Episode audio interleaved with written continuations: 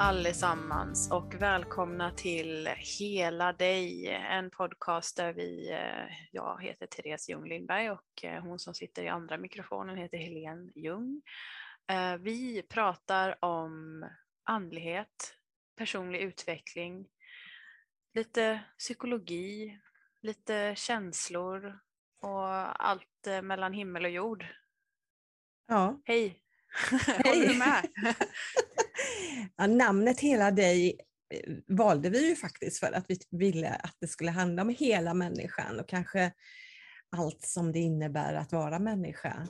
Och att mm. vi gärna ville naturligtvis ha med den andliga dimensionen i det. Mm. Um, för Förra så. veckan mm. så eh, hade vi ett eh, kanaliserat budskap från dig Helene. Du kopplade upp och fick ett enormt påslag berättade du sen när vi hade lagt mm. på. Mm. Och vad som hängde kvar lite i, i, med oss lite från, från den inspelningen var ju det här med tillit. Och det var ju det här med att liksom välja att eller att försöka välja att känna tillit till att eh, det, finns en, det finns en plan och det finns eh, stöd i form av vårt eh, kosmiska team och, och sådär och att eh, saker och ting mm. eh, utvecklar sig i den ordning som det är tänkt att det ska göra. Mm. Och vad vi tänkte liksom kroka an på i det här avsnittet har ju att göra med eh, motsatsen till tillit som ju är tvivel också. Ja. Och det första som slår mig när vi, när vi pratar om tvivel och eh, tillit så som, som eh, ny, vad ska man säga, kanal i det här eh, andliga bruset. Så för mig så handlar ju tillit och tvivel väldigt mycket just nu kring eh, tvivel på mina mediala gåvor. Hur skulle du säga att eh, tillit och tvivel tar sig uttryck i ditt liv just nu? Åh, just nu? Mm. Ja. Eh, oj, eh, den eh, visste jag inte skulle komma. Jag vet inte. Tillit och tvivel just nu. Just nu kan jag nog känna att jag har en väldigt eh, god tillit till saker och ting. Faktiskt det mesta känns det som. Och det, jag upplever att det är väldigt skönt. Det är så befriande att känna tillit. Eh, mm. jag, jag har, ska jag väl säga också, tränat ganska många år på att välja tillit och släppa mina tvivel. För det har jag ju verkligen haft eh, mycket av eh, genom åren. Och jag tror också att vi måste känna, återigen, både och. Eftersom lite grann det vi pratade om förra veckan så, så handlar det om att vi lever i en värld som är dynamisk och mm. att eh, vi, vi, vi behöver uppleva kontraster till saker och ting för att faktiskt förstå vad det är. Vi måste veta vad mörker är för att kunna se ljuset. Vi måste hela tiden uppleva att kanske må dåligt för att sen kunna må bra och så vidare. Och är det inte så också, tänker jag, med tvivel och tillit, eller tro och tvivel, att vi går igenom mycket tvivel. För att det är det som skapar våran tro någonstans. Vi bygger ju våran tro på tvivel.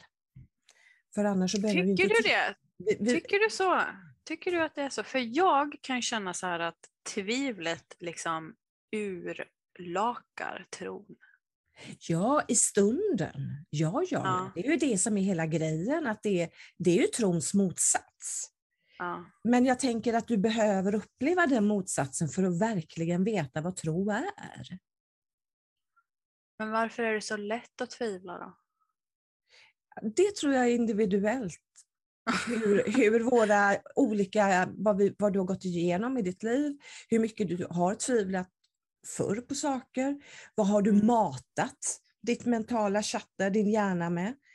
Eh, är du en, en sån person att du hellre ser eh, att glaset är halvtomt än halvfullt och så vidare. Va? Alltså det tror Mm. jag är lite väldigt komplex fråga. Den kan vara väldigt individuell. Varför Mm. en del kanske har lättare för att tro. Dock tror jag inte att det är någon som tror utan att ha tvivlat. Det är det jag menar. Det är viktigt att förstå det, att de hör ihop de här bitarna. Mm. Mm. Men en del tvivlar ju mer än vad de tror. Så att ja, det är väl en utmaning var man nu än står, tänker jag. Jag tänker liksom med det här eh, som där det tar sig uttryck för mig just nu i det här eh, andliga och det mediala. Alltså att där upplever jag ju en väldig dragkamp just nu. Alltså jag Mm. känner att så här, å ena sidan så har jag den här fullkomliga tilliten och jag kan ge mig hän åt eh, det som kommer igenom och flödet av energi. Och sen å andra sidan så kan jag bli avbruten eh, av en tanke jag har. Alltså det kan bara, jag satt förut och kanaliserade eh, ett budskap till en eh, kvinna och eh, under tiden som, som jag tar emot informationen och, och beskriver det jag ser och eh, ja, men du vet, man är i flödet liksom, så Mm. kan jag, så, så hör jag, jag hör parallellt med informationen som jag hör, så hör jag också, men du, är det här verkligen relevant? Är, Ja. det, är det här verkligen sant? Hur, hur kan du säga det här? Du Ja. vet ju inte hur det här kommer Nej. landa i den här personen. Och, vet, och, det är så här, och jag får vara så noga med att bara så här, okej tack, du är noterad, var vänlig och gå. Liksom. Mm. För det är så det är så svårt för att ofta när jag, när jag eh, håller på med de här eh, andliga bitarna så, så är det som att tvivlet vill eh, vinna. Tvivlet vill liksom övertyga. Mm. Tvivlet känns som det rimliga. Förstår du? Och jag känner mig bara, vem var det som tvivlade på Jesus? Var det Petrus eller? Alltså Thomas To- tvivlaren kanske Thomas var. Ja. tvivlaren var det, inte Petrus. Han tvivlade Nej. inte ett dugg.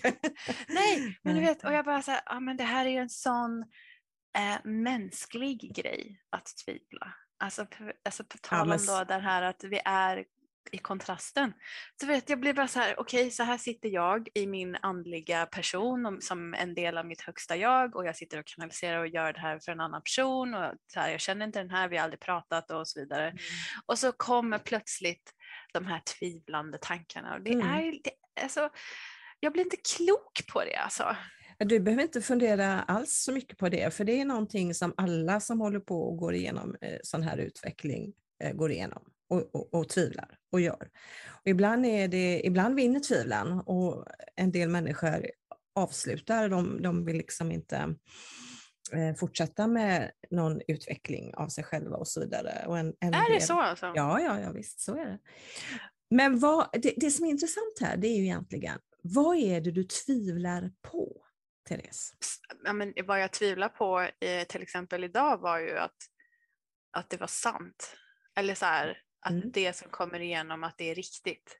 Du tvivlar på dig. Eh, ja, jag tvivlar på mig och jag tvivlar på eh, källan eller Akasha eller vad det nu är, den andra personens själsliga kapitel i boken. Och jag tvivlar på min förmåga att kanalisera den. Och jag tvivlar framförallt på ehm, att jag gör rätt. Att det, jag vet inte, det, det, det går så snabbt också, det är ju det. Det går ju så jäkla fort. Mm, Och det, det. det. Det, är, det är också det optimala sättet för mig själv att lägga fällben för mig själv. För vad jag Mm. känner mig som ibland det är ju som en, en sån här charlatan. Liksom. Alltså Mm, mm. en lurendrejare. Det är jag.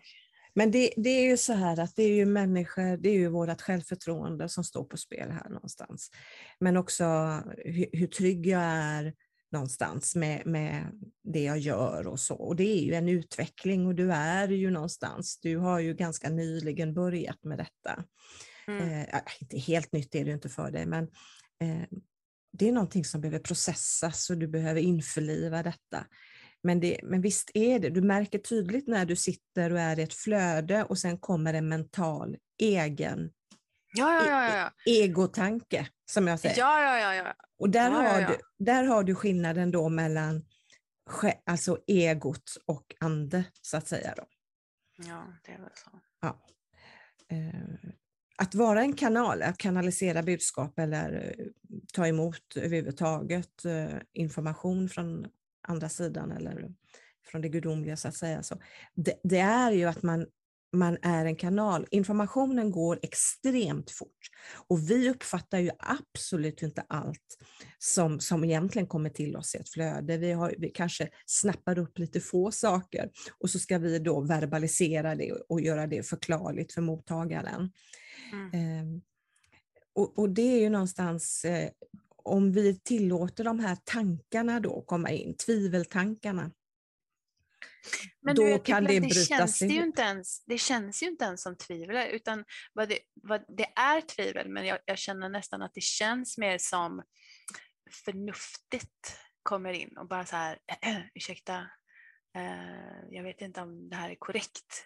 Eh, Men alltså, kom, det är ju tvivel, jag vet ju att det är tvivel, men det är liksom iklätt en, en förnuftig eller ibland också lite så här skeptisk eh, klädnad.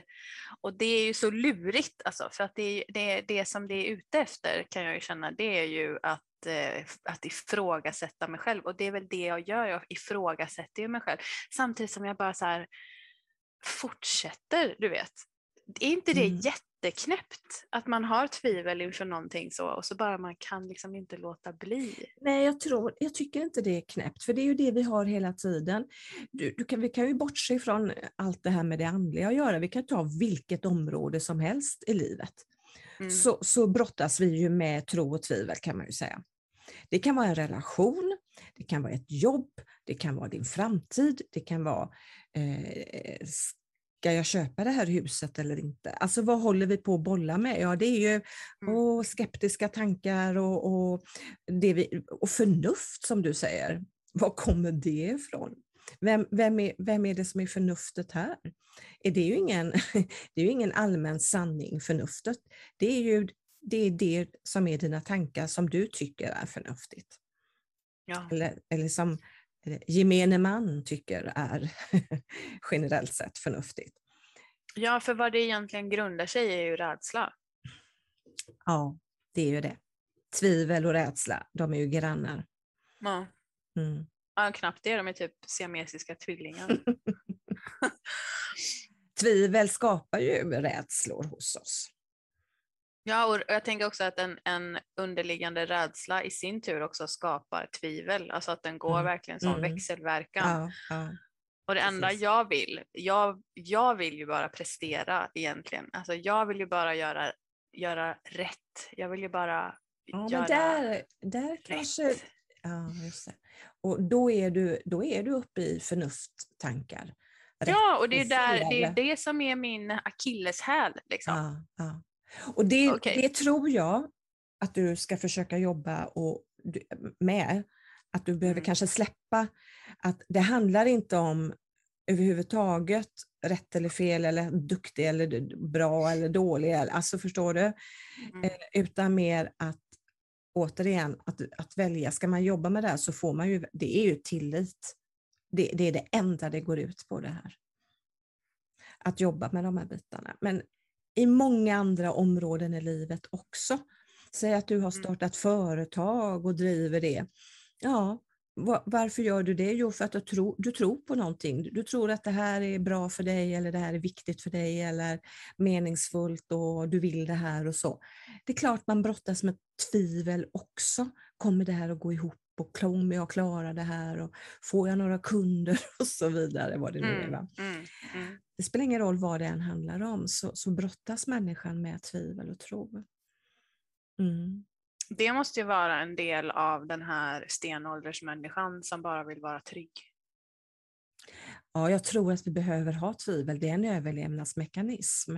Ja, Om vi skulle bara köpa allting så hade vi inte sett om vårt hus och skyddat våra barn på samma sätt om vi, om vi bara trodde att allting var fine och, och, och jättegott och bra.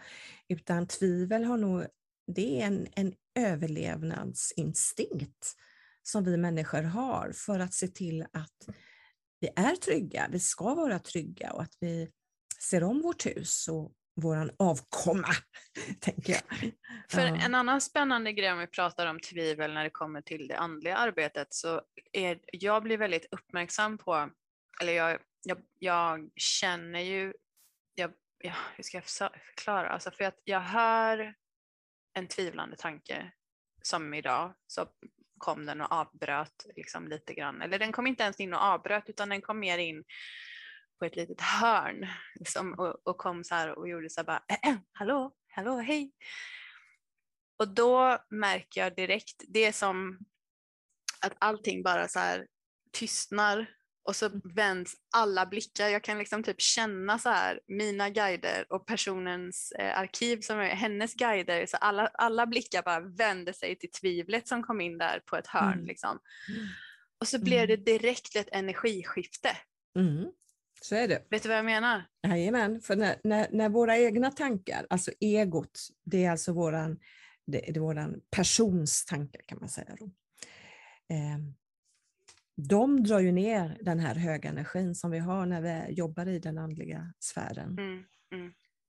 Och där tappar vi ju, ibland kan man ju tappa helt eh, någonting. Ja, alltså man, man, kan tappa ja. informationen, man halkar ur och slår sig på rumpan helt enkelt. Och ibland, ja, det... ibland eh, kan det vara svårt att komma tillbaka om man mm. upplever det. Men med, detta är någonting man får träna på när man jobbar så här med det, med det mediala. Det får man träna gång på gång på gång på gång. Att släppa tankarna och så bara tillbaka in i, i energin igen mm. Eh, och behålla den. Det är, det är ett arbete att behålla sin energi. För energin går och skiftar faktiskt upp och ner, upp och ner mm. hela tiden. Mm. Vi mm. behåller inte en ständig hög energi. Det är inte så vi funkar vi människor, utan vi, den går upp och ner och det, ibland är det riktigt, riktigt, åh, då är vi i touch. Och så släpper vi lite, tappar vi lite energi för att sen att det kan komma tillbaka upp. Så, så det, det är som ett, en vågor upp och ner, fram och tillbaka. Mm. Jag undrar lite så här, hur länge har du egentligen hållit på med det här mediala nu? Ja, man kan väl säga att jag har hållit på i 11 ehm, år. Skulle jag 11 år? Ja. ja.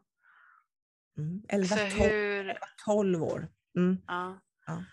För i början, när du mm. var ny, mm. hur mycket tvivlade du då? Massor. Massor, hur, kom, massor. hur tog det sig uttryck då? Ja, väldigt, att jag blev väldigt eh, fundersam och precis och, och eh, fundera väldigt mycket fram och tillbaka vad som var rätt och vad som var fel och, och ja. vad, vad, är det ska jag göra och, och sådana saker. Um, samtidigt så visste jag ju det på det här inre planet så visste jag det hela tiden. Det var bara det att jag tyckte det, det var väldigt svårt att släppa kontroll. För jag tror det är mm. det det handlar om väldigt mycket i det här jobbet. Um, det är någonstans att släppa kontrollen och bara låta saker och ting, att vara öppen för vad som komma skall. Att jag inte behöver styra utan jag har då tillit till att eh, mitt team, att mina guider eller de vill hjälpa oss. Att vi har beskydd och vi har hjälp i detta. Och, och det som kommer igenom, det ska komma igenom. Annars mm. kommer inte den informationen till mig. Jag får liksom, och det är någonting som man, jag har tränat på i många år nu. Eh, och många gör ju det. Övar upp den förmågan att ha tillit till det. Det är väldigt skönt.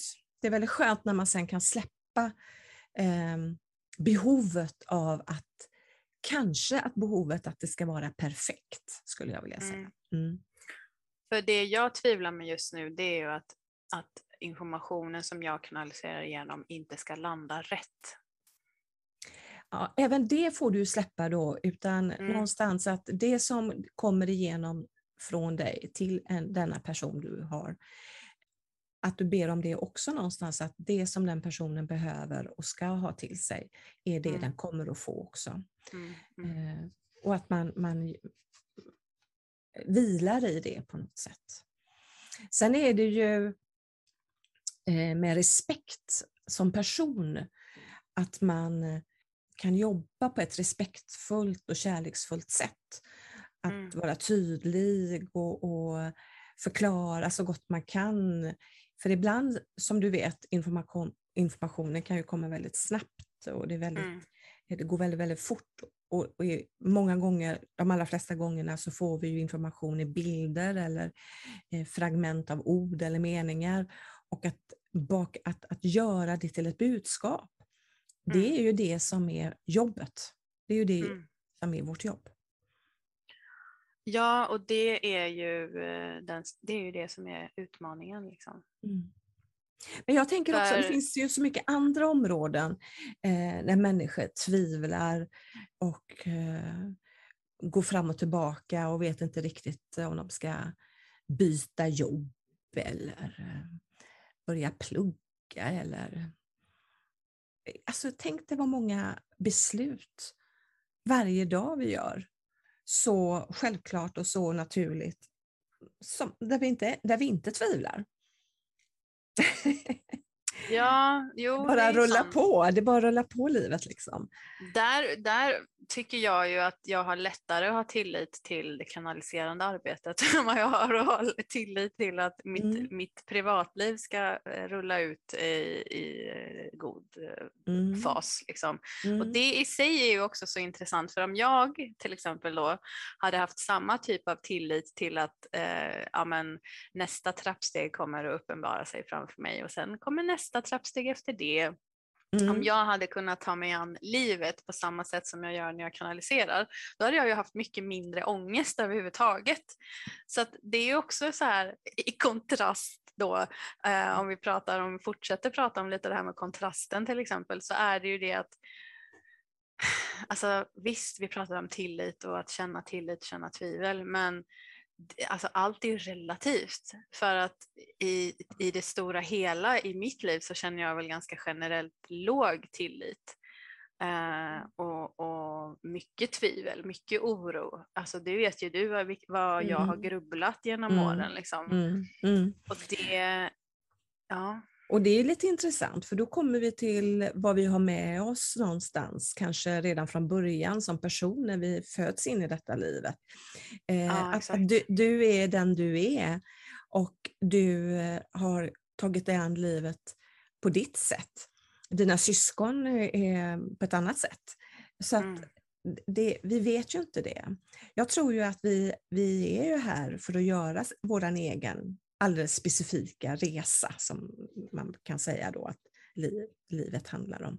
Jo men precis och det blir extra tydligt också då vilken unik själ varje person är. Alltså Mm. för som jag och min syster till exempel då, som växte upp med knappt två år emellan med samma Mm. föräldrar på samma miljö. Alltså vi har ju blivit två väldigt olika personer och har två väldigt olika förutsättningar och öppenhet och mottaglighet och, och liksom allt vad det är. Och det i sig är ju en fascination för hur mycket man kan dela rent biologiskt men ändå skilja sig åt så själsligen. Ja, precis. Och det, du, du kunde haft eh, tio syskon. Ja, det hade Eh, varit samma Så hade här. det varit ändå tio Ja. unika livsresor och, och själar. visst. liksom. ja. Och det tror jag är väldigt viktigt någonstans att komma ihåg och påminna sig om att alla är vi unika och vi är här av en anledning. Och vi möter det vi ska möta på något sätt tror jag. Mm. Men eh, ibland så finns det ju att man kan utmana sig själv. Och jag tänker, eh, det gör ju du ändå på ditt sätt, Mm. eller hur? Ja, det har jag gjort på många olika sätt Ja, genom åren.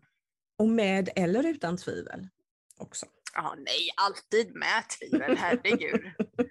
Alltid med tvivel. Alltid med. Men det har inte Alltid. stoppat dig ändå. Nej, jag har haft spyan i halsen och jag har gjort saker i alla fall. Alltså, det är ju det som är Ja. måttet på viss eh, galenskap också, tror jag kanske. Att, eh, att Men det- här- Det, det är också det jag tror kanske är en del av just din resa att vara med om att göra det, för det är där du bygger då själsliga muskler. Va?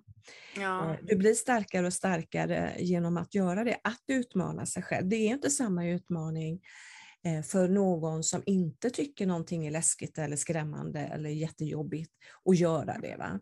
Då Mm. bygger man inte, det är inte det motståndet så därför tränar du inte den styrkan heller. Eller du blir inte lika stark. Så tanken är att du ska bli riktigt stark och därför har du gått igenom en hel del. Då. Vad det gäller Ja. tvivel i varje fall. Mm. För jag funderar också på det här när du började då i din mediala karriär eller eh, väg så att säga. Ja. Hur, hur lång tid skulle du tro, alltså för jag, för jag, eller så här, tvivlarna byter ju ofta väldigt gärna skepnad. Mm. Ibland kan de liksom uttrycka sig i som att så här, nej jag vill inte göra den typen och så måste man göra den typen av eh, grej och sen så börjar man tvivla på den saken och så är det, då är det viktigt att hoppa upp på den hästen igen om man ramlar av liksom. Men Ja. hur långt, alltså det är svårt att sätta en tid i och för sig, men vad skulle du säga om du inte känner tvivel nu? Eller känner du tvivel nu? Det kan hända att jag gör det emellanåt också. Ja. Fast inte För alls på vad- samma sätt. Jag är mycket tryggare i mitt arbete nu kan man säga. Vad är det som kan få dig ur liksom fas nu då, skulle du säga? Ja, det, det har ju med kanske en persons energi som jag möter. Ja. Ehm, Hur den personen mår eller om det är en väldigt negativ och skeptisk person. Det är klart att jag speglar av det och känner av det. Det kan Mm. ju göra kanske inte tvivel på att jag inte skulle kunna göra mitt jobb men, men eh, att, att det skulle kunna bli lika klockrent eller eh, bra, gott Mm. så. För, Mm. för vi är bara människor och vi blir väldigt påverkade av vad vi omger oss med för energi. Va? Så, så det kan absolut påverka. Eller om, om det är med mig själv för mycket stress eller att jag inte tagit hand om mig själv på rätt sätt. Mm. Då, är Mm. man, då jobbar man inte heller så, med, med, kanalisering. Så. Alltså det, det gör man inte på ett lika bra sätt. Man behöver vara ganska i balans och tonad med sig själv skulle jag väl kalla det. Att man, Mm. Det är mm, det där med att sätta på sig sin egen syrgasmask först innan man hjälper någon annan. Liksom. Ja, och att man är i balans att man kan släppa taget om sig själv.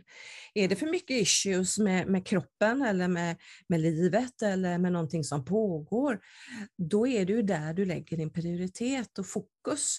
Och då är Mm. det svårt att släppa det bara. Eh, dock har jag fått träna på det väldigt mycket faktiskt, att tvinga mig att släppa mig själv Mm. och gå in väldigt disciplinerat i att jobba andligt och gå in i en Mm. högre energi. Ehm, och jag tror ju att vi får det vi ska få någonstans för att göra vår utveckling. Men det har hänt ehm, på olika sätt många gånger att jag har fått eh, erfara det. Ja, Mm. men det är ingen som säger att det är någon lätt väg någonstans. Man väljer ju inte det här om man inte känner att det är ett, ett, det är ett stort val man gör någonstans eh, i att jobba på det här sättet. Är det det? Har det varit det för dig? Ett Mm. aktivt val? Ja, det har det absolut varit. Mm.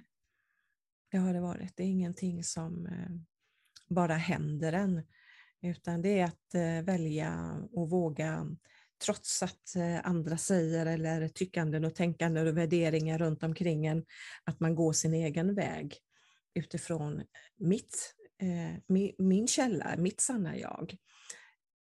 Och för mig har det ju varit väldigt mycket att hjälpa andra människor. Inte bara utifrån eh, det vanliga terapeutiska arbetet jag jobbar med, eller att coacha människor. Jag ju coachat och, och, och jobbat med omställning och rehabilitering. Alltså det är hundratals människor vi snackar om.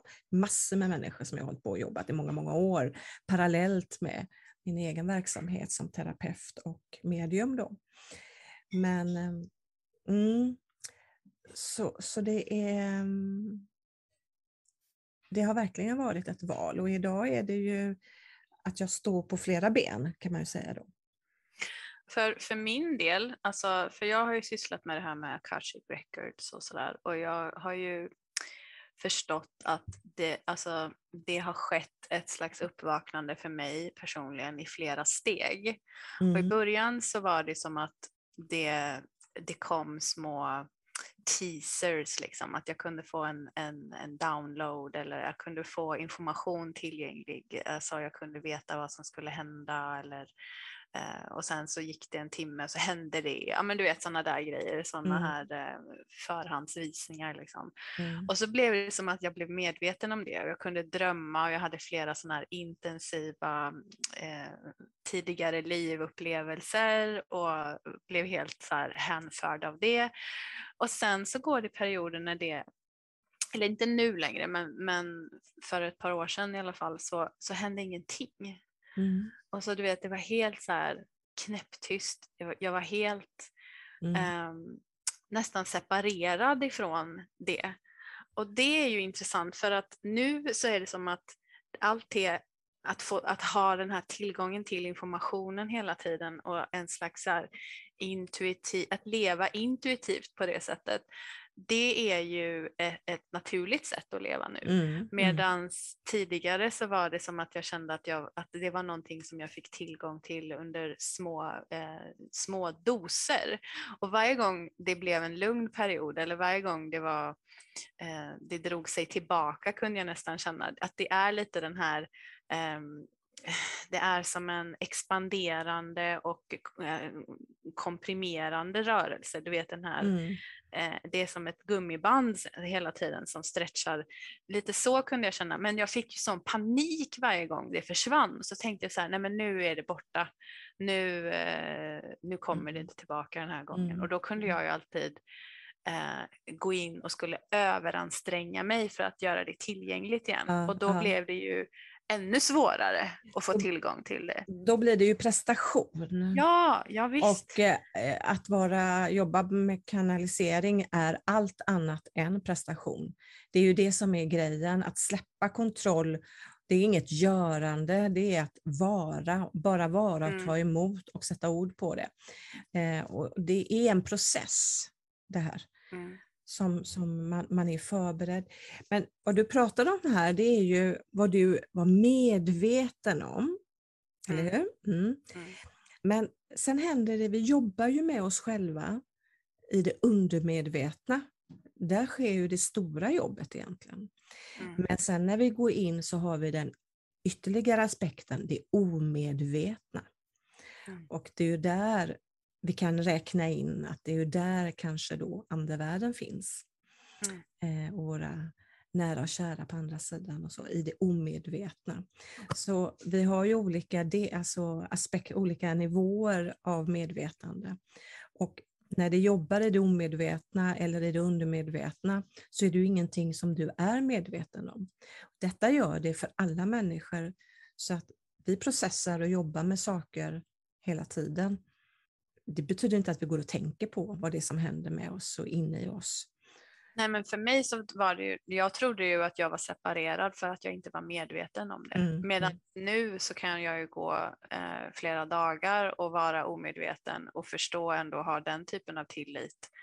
Eh, mm. Att jag aldrig är separerad. Jag, det är alltid tillgängligt för mig. Men, men att min medvetenhet har skiftat ifrån att ja. vara nästan skräckslagen eh, och medveten om eh, och tro att medvetenheten eller omedvetenheten har med separationen att göra från det andliga. Medans, Just det. Finns ja. ju ingen separation för nej, du, nej. du är ju ett med dig själv och då är du inte, du är aldrig separerad.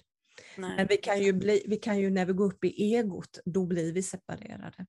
Men det är ju ett skifte också. Det är ju inte det att det försvinner, men det är ju det att du har inte eh, fokus och du lever inte i det andliga då, utan du lever i egot.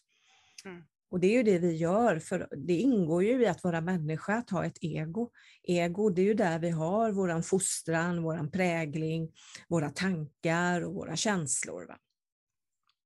Så att, eh, och det måste vi ju ha, för vi lever ju ett, ett, liv här på jorden och vi ska göra det. Faktum är ju att egentligen så ska vi faktiskt prioritera det här livet. Eh, det finns ju människor som tycker det är så gött att vara det andliga. och det är det ju också, mm. men, men att man kan bli lite världsfrånvänd och lite så. Utan vi behöver jorda oss, vi behöver eh, back to basis, alltså vara här och nu och ta hand om oss själva och leva ett jordeliv fullt ut med relationer och, och allt vad det innebär.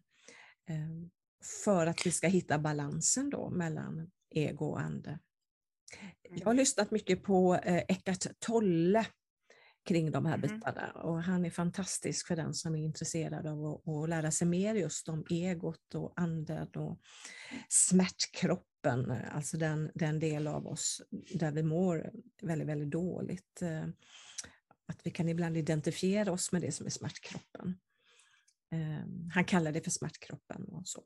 Jag ska inte gå in jättemycket närmare på att förklara just hans lära som, som är ganska eh, stor och så, men, men det är väldigt mycket intressant information och mycket fina filosofiska eh, tankar han delar med sig av. Så det rekommenderar jag verkligen, Eckart Tolle där.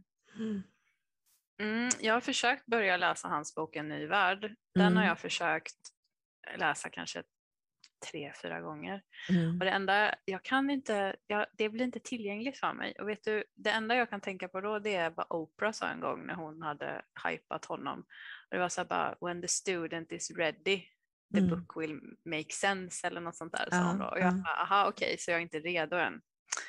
Det måste ju ha med det att göra tänker jag då. Att, att jag bara, jag är inte på rätt plats helt enkelt. Nej, nej. Man, du kan ju pröva också att ta in det audiellt då, att inte läsa utan att du väljer att eh, lyssna på honom. Och det mm. kan man säkert göra på olika sätt men eh, börja med att lyssna lite grann på kanske på Youtube eller någonting och, och se om du kan få fram att han eh, skickar eller sänder han har egna klipp och sånt där om olika saker.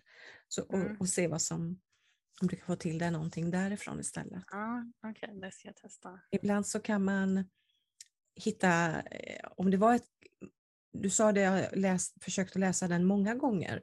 Och Det kan vara mm. det att du förknippar, det finns en association inne i dig. Att när, när, du öppnar den boken och läser så blir du påmind om att det var så svårt första gången. så att du ja. egentligen eh, du, du förverkligar egentligen den sanningen ytterligare en gång. Eh, och det är ju att hitta ett annat sätt att ta in informationen på sig. Ah, okay. ah, jag har också försökt läsa den på svenska. Jag tror inte att svenska språket riktigt eh, tillgängliggör det. Mm, ah, ah, ja. Hur som helst. Ja, mycket om tvivel och tro, men vi ska runda av lite för idag nu och, och, och faktiskt be lyssnarna eh, utmana dem lite grann, tänker jag och, och fundera lite på det här med tvivel och tro. Och jag tänker det kanske är det lite grann också det att i de områdena i livet där vi går med tvivel, att det faktiskt är de områdena som är väldigt, väldigt viktiga för oss. Och det är mm. därför vi har tvivel. Förstår du? Mm. Det som inte är så viktigt, det behöver jag inte lägga ner så mycket energi av tvivel kring. Utan jag tvivlar just på grund av att det här är viktigt för mig. Mm. Den kan ni fundera på tänker jag. Mm, det var mm. bra. Lite nugget. Ja. Men vi rundar okay. av där. Ja, det gör vi. Och eh, har ni några frågor är ni välkomna naturligtvis att ställa dem anonymt och gå in på www.motomening.se och klicka på podden Hela dig och där kan du ställa din fråga anonymt. Följ oss gärna på Instagram, podcasten Hela dig. Och eh, välkommen att lyssna på nya avsnitt framöver. Mm, tack ska du ha, Tack. Therese, för idag. Mm, hej då. hej, hej.